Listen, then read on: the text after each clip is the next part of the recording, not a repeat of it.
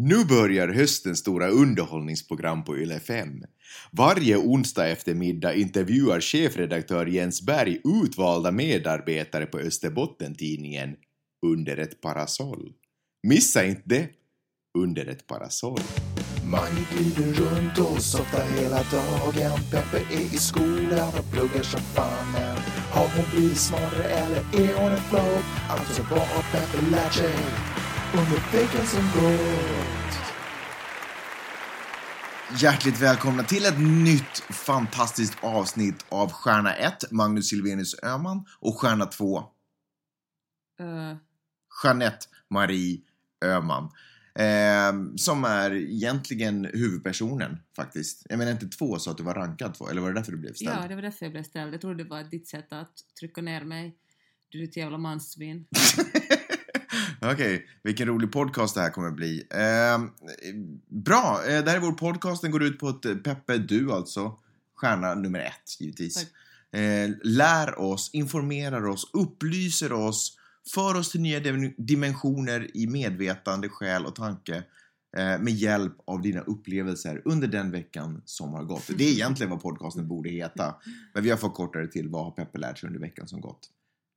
Vet du vad det vanligaste du säger, saken du säger till mig är? Asshole? Nej. Eh, kan du snälla försöka tala in i micken? Eh, Nej, det är kanske inte det vanligaste. Det, när vi gör podcast är det nog det vanligaste. Men annars så vet jag inte om det är så himla vanligt att jag säger det. jag säger inte att jag inte skulle vilja säga det, men Okej, försö- fråga mig nu. vad ska vi prata om idag? Vi ska prata om tre saker. Mhm. Vi ska tala om eh, nummer 42. Vi ska tala om varför New York är den olyckligaste staden i USA. Och så ska vi tala om att läsa på papper versus att läsa på en screen. Oj. Är du redo? Jag är redo. Nu kör vi!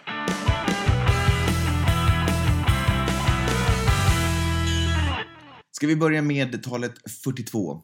Okej. Som jag nu misstänker är en ålder. Är det för det tredje gången vi tar om det här? Ja. Okej, jag är bara så upprörd att jag inte riktigt kan ta det. Fatta mig kort som du vill att jag ska göra. Men vi, vi, gör, det så, vi gör det snabbt nu, tight liksom. Uh, Esquire hade en text som heter In praise of 42 year old women. Och det handlar om att 2014 är tydligen året då det är okej att vara 42. Och då kände jag först, måste jag känna en sån lättnad att åh gud vad skönt. Åh, det är okej att, att bli äldre, att Esquire har gett mig tummen upp. Mm. Men eh, eh, sen började jag irritera mig, jag blev så riktigt sur för det är så sjukt typiskt patriarkatet att börja bestämma att när det är okej att vara kvinna och, och, och vilken ålder det är okej man ska vara, hur man ska se ut och vad som är snyggt och sexigt och kvinnligt. Och, eh, och det är inte ens som, det, det räcker inte här, tydligen är det någonting som de gör ofta. 1999 så skulle man vara 27, då var det det bästa. Mm. Och, eh, och 2008 ska man vara 39, det var det sexiga och nu är det, nu är det okej att vara då 42. Jag var alltså i rätt ålder 99. Coolt. Mm. Och till saken hör att det är ju inte som alla 42-åriga kvinnor ska se ut som Cameron Diaz. Utan folk ser nu ut som de ser ut och det är okej. Men ehm, det är himla störande att det fortfarande i år... Liksom, vad, vad händer? Liksom, kan vi inte gå längre än så här? Än att patriarkatet definierar hur kvinnor ska se ut. Men vänta, vad är Esquire för typ av tidning? Vad skriver ett- de ofta om? Ett magasin. Om, liksom, eh, om ett- populärkultur och det Ja. som händer just nu och film och alltihopa. Ja, precis. Men är det inte liksom, är det inte... Är det, är det konstigt att en journalist, eller en skribent snarare på den Men tidningen, journalist inom citationstecken. Nej men en skribent på, på den tidningen skriver om fenomenet att det helt plötsligt är kanske 42-åriga kvinnor i, eh, har fram, framställts på ett annorlunda sätt nu i tv och i filmer än vad de gjorde tidigare. Kanske de förr i tiden bara typ var du vet, någons morsa eller något liknande och nu så spelar Cameron Diaz typ en, en, eh, en crazy person som gör en sextape. Men problemet är det att man ska, folk ska skita i om man är sexig eller inte, eller om man är någons morsa eller inte någons morsa. Nej men liksom jag bara menar han observer- för de här exemplen som han har, är inte de typ alla skådisar? Ja, nästan. Det ja, är ju inte så att han har hittat en kock någonstans som bara fortfarande är, du vet, helt 42-årig kock. Utan alla de här är ju liksom eh, på film. Så det, men jag bara menar att kanske han inte försöker, du vet, berätta någonting om filmindustrin. Men problemet är nu att nu ska vi alla vara glada och lyckliga för nu har vi ännu några år till att, att vara snygga i mäns ögon och kunna... Eller vi kan ju inte, det är liksom en, en, en, eh, en illusion att alla kvinnor ska se så här snygga ut när de är 42 år. Alla har ju inte tid att, att göra så mycket pilates som, som den här eh, Alltså, exempel alla åldrar som visas på, på film är ju ouppnåeliga skönhetsideal. Men precis, men måste man skriva en jotto om det nu, att det nu är det okej att vara 42, nu kan, ni, nu kan ni kämpa ännu mera för att bli, för att bli snygga i våra ögon. Det, är så, det här eviga objektifierande gör mig helt galen. Att, Mm. att vi ska... Och just det där att känna en tacksamhet att vi har några år kvar på något sätt. Det, som- det, som, det som jag själv först kände när jag läste artikeln. Mm. Det här eviga... eh, att göra, göra sig fin för män. Är liksom falla in i någon slags skönhetsideal. Varför ser du sådär på mig? För det är det så? Alltså vadå gör sig fin för män?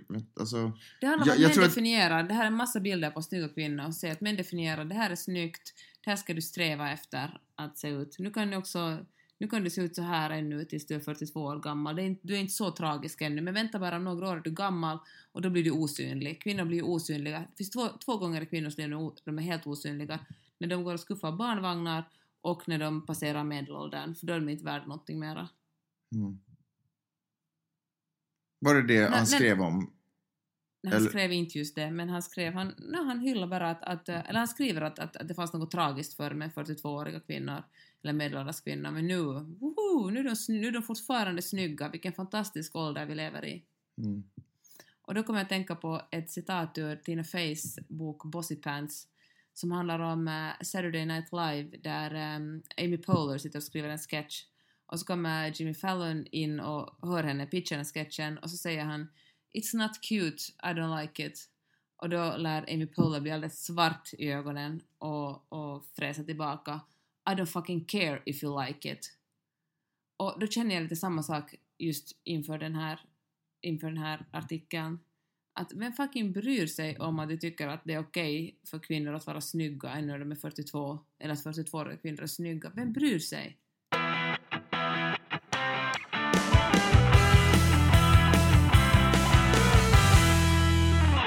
Jag ska säga en grej som jag tänkte på under den här lilla gingen som Mm. vi gick här nu. Och det är att... Vänta, förlåt, jag ska bara korrigera micken. Okej, och det är att jag kan känna... Eh, liksom, en, an, jag håller helt med dig i det du säger. Eh, jag är helt med dig fullt och fast.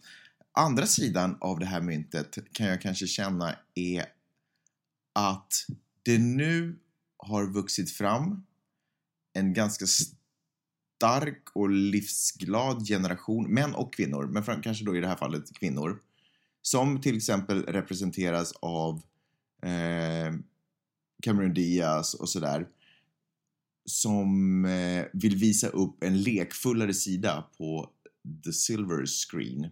Men är det verkligen, fanns inte den på 30-talet liksom glada kvinnor och män på the silver screen? Är det verkligen något nytt? Nej men i den här, i den, i liksom i över 40. Hmm. Jag bara menar att det finns, att det är en generation kanske som har vuxit upp som är sådär, fuck jag vill fortfarande leka och ha roligt och göra galna saker och sådär. Fast det är också en generation som är så sjukt trimmad. Liksom, alltså, nu finns det ju inte bara... Kanske det är bara ett annat sätt att det, det här är jakten på den eviga ungdomen har bara yttrat sig bara på ett annat sätt nu. Kanske det. Ja, kanske jag inte riktigt tänkte klart den tanken om jag och jag vara tror ärlig. alltså problemet är det att kvinnor hela tiden anpassas efter the male gaze, så att säga. Att Mm. eh, inte nog...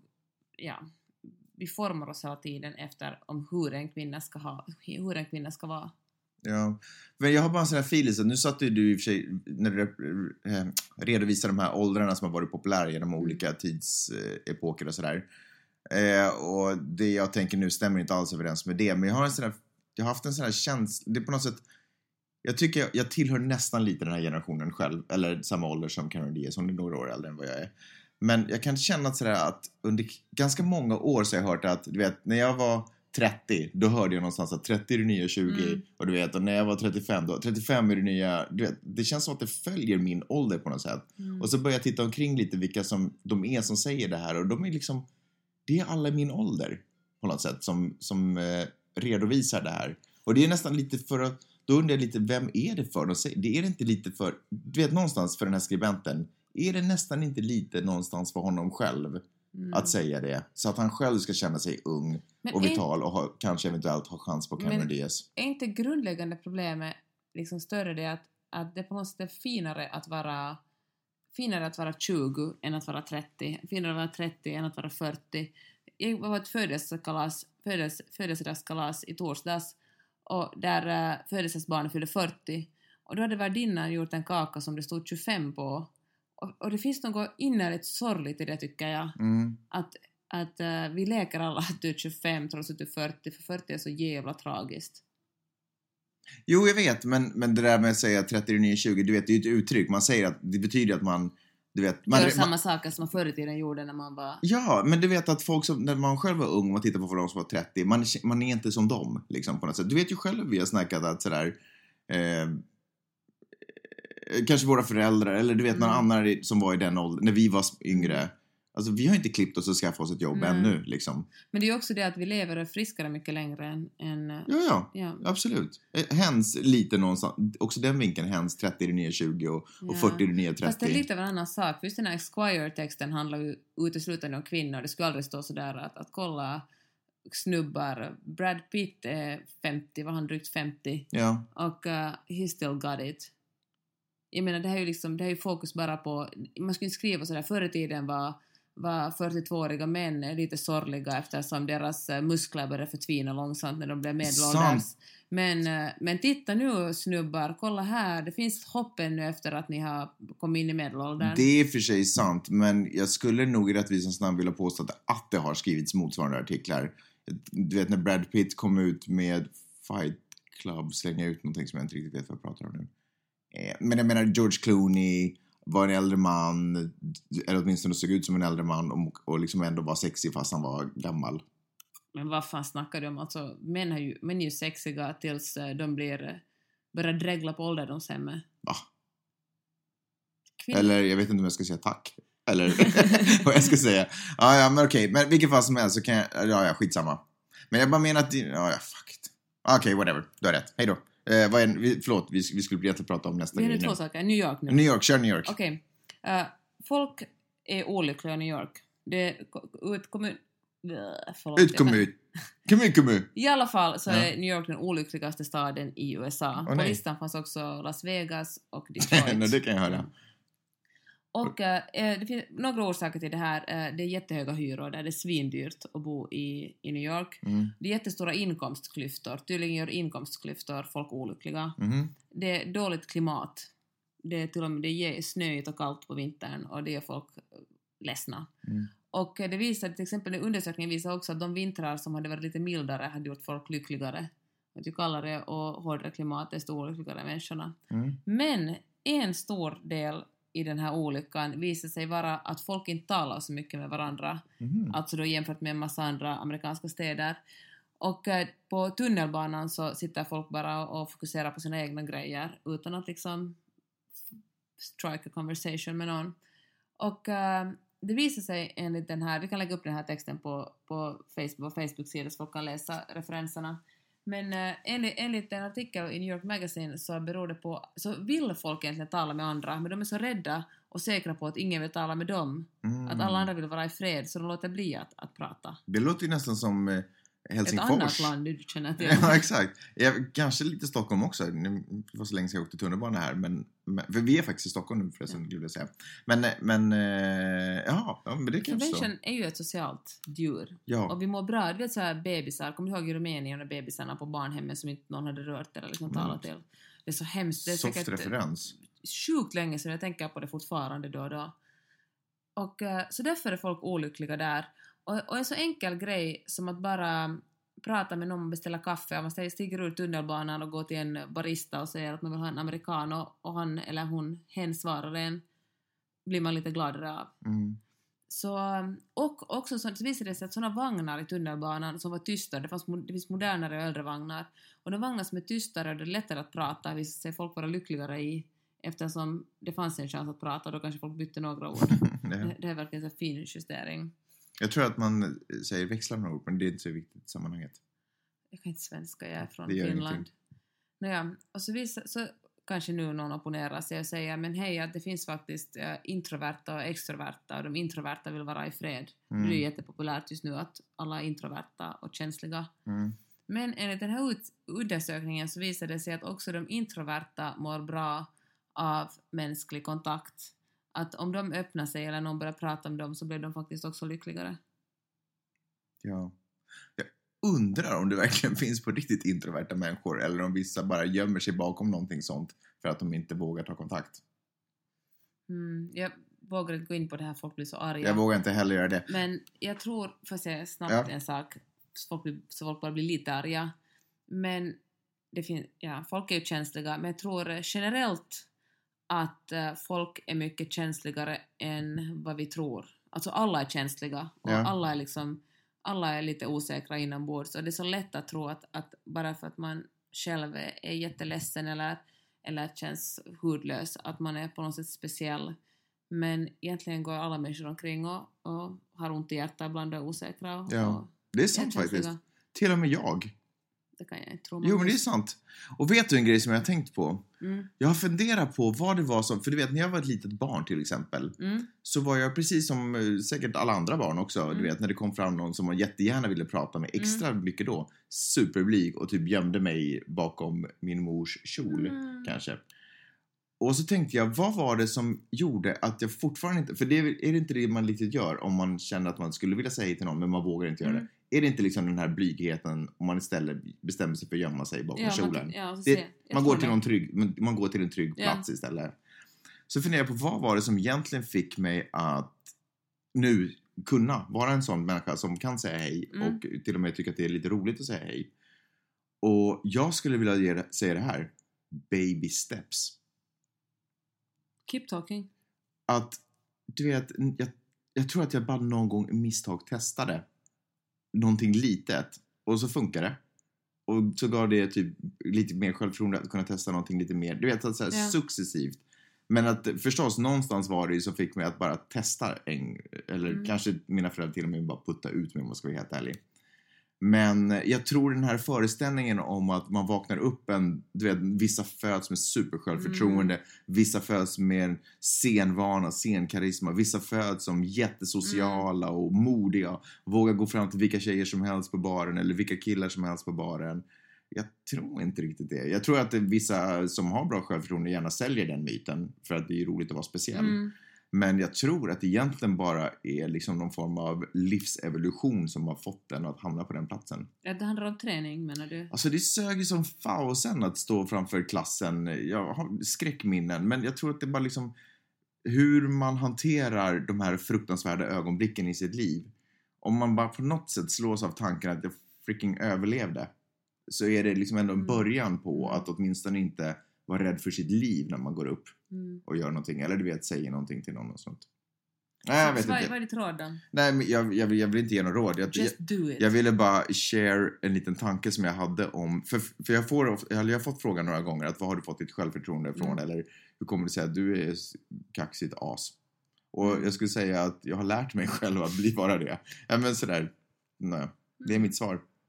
Så nu eh, om du som lyssnar på det här känner för att intervjua mig behöver du inte ställa den frågan. Men eh, handlar det om samma sak i allt du menar när folk säger att vissa människor är bara naturligt jättebra skådespelare eller naturligt musikaliska? Eller här, när ibland kommer folk fram till mig och säger att, eh, att jag ska också gärna skriva en bok men vet hur jag ska göra eller jag kan inte. Eller så säger de jag ska göra det men jag har inte tid. Jag tror att det är en liten annan diskussion. Jag tror att man också kan ha fallenhet, talang för saker och ting. Ja. Men, Men, bara för att jag... ändå krävs träning. Ja, absolut. Bara för att jag har talang för... Om jag är musikalisk så betyder det inte att jag kommer bli en virtuos. Alltså det krävs ju Ja. fortfarande träning och övning. Men jag tror att med talang kan man komma lite längre. Ja. Ska vi tala mer om hur duktiga vi är? Lite längre, lite snabbare. Nej, nej, det var inte alls det vi skulle prata om. Vi pratade om kärlek. Och jag tänker den här äh, motståndet. Alltså, fast jag hånade det, jag ska erkänna det, så Hufvudstadsbladet hade nappat på någon, vad som beskrevs som social trend, att hashtaggen typ säg hej eller vad fricken Mm. det var, du vet. Och så hånar jag det för jag tycker att det är så här fånigt att man måste, men å andra sidan, Jesus, om det är det som krävs, alltså bara du vet, komma över, säg hej bara. Det är så Men det himla handlar i grund och botten bara om att se andra människor och bekräfta dem. Exakt, go avatar on, the, on them motherfuckers. alltså bara se människor, det tror jag gör så jäkla mycket. Mm. Mm. Var vi färdiga här nu? Ah, Okej, Jag har ännu en grej. ja. Alltså inte på det här temat utan på nästa tema.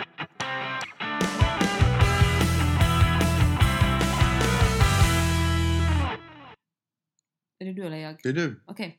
Du vet ju att jag tycker att eh, vi borde lägga ner papperstidningen. Mm. Säg, som vi sa förra podden, ge den fem år, avveckla den under fem år och sen gå ner till bara elektronisk läsning. Jag trodde att det där var ett hypotetiskt samtal du skulle ha med eh, en hypotetisk tidningsredaktion. Att säga fem år, men du menar verkligen fem år? Ja, jag tänkte det. Varför inte? Vad roligt!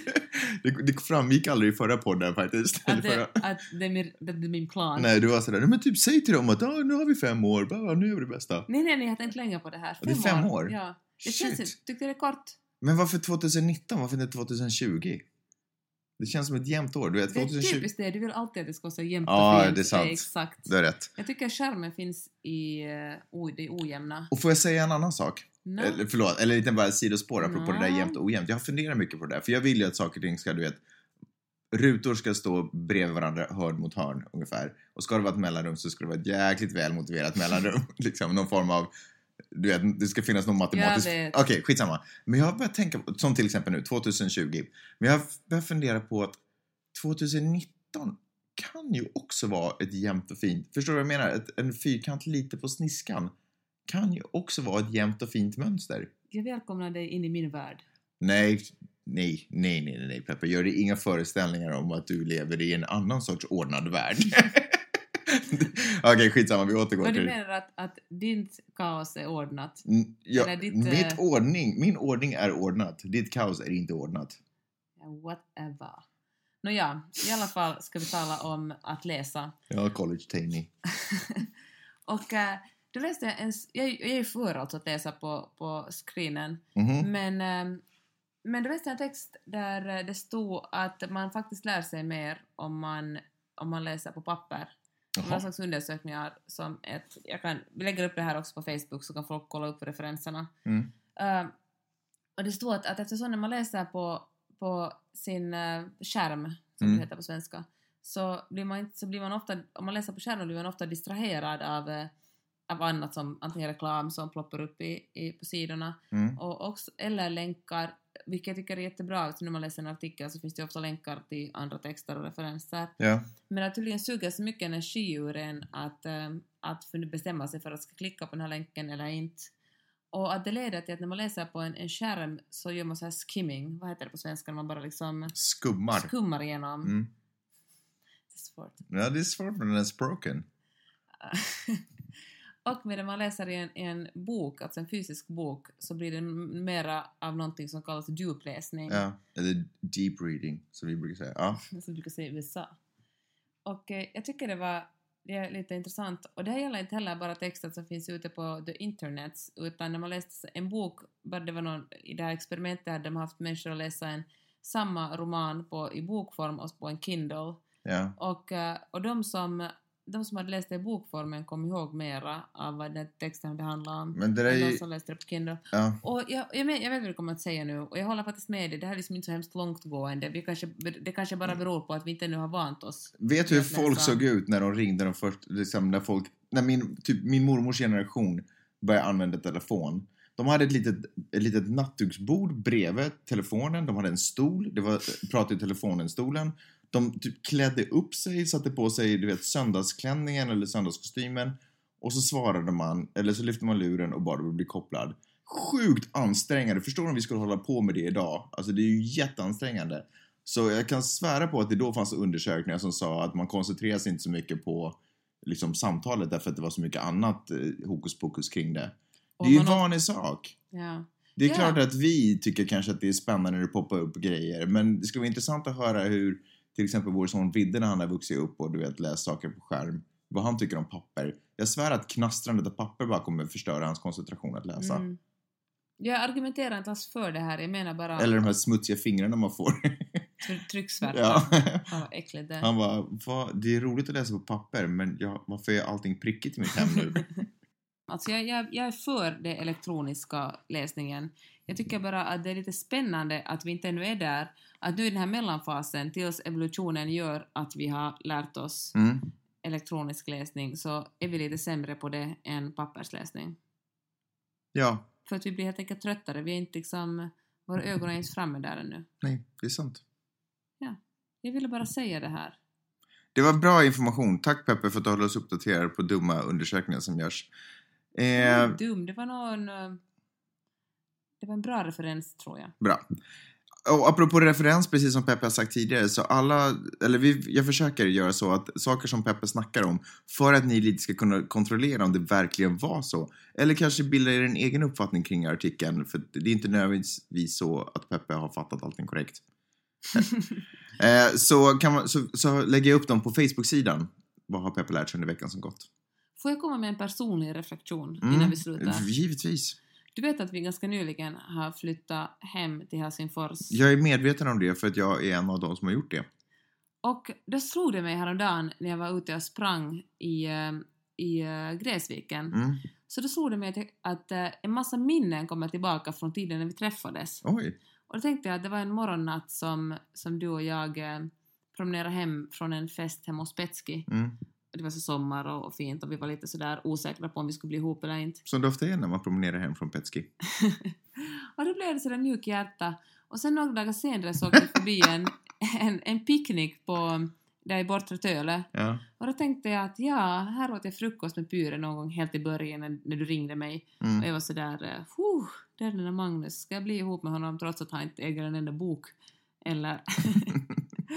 och det var, det var spännande för jag har inte tänkt på det under den perioden, vi liksom, jag, jag har inte tänkt så mycket på det förrän det här lilla avbrottet i våra liv på ett år i LA. Så jag, därför har jag varit extra romantisk och trevlig under de senaste dagarna. Tack för att ni har lyssnat på den här fantastiska podcasten. Jag hoppas att vi hörs om en vecka snart igen. Och tyckte ni om den får ni gärna tipsa någon på Twitter eller Facebook om den. Ja. Och tyckte ni inte om det så säg det till någon och be dem gå in och lyssna och bilda sin egen uppfattning. Ha det så bra! Hej då! Hej!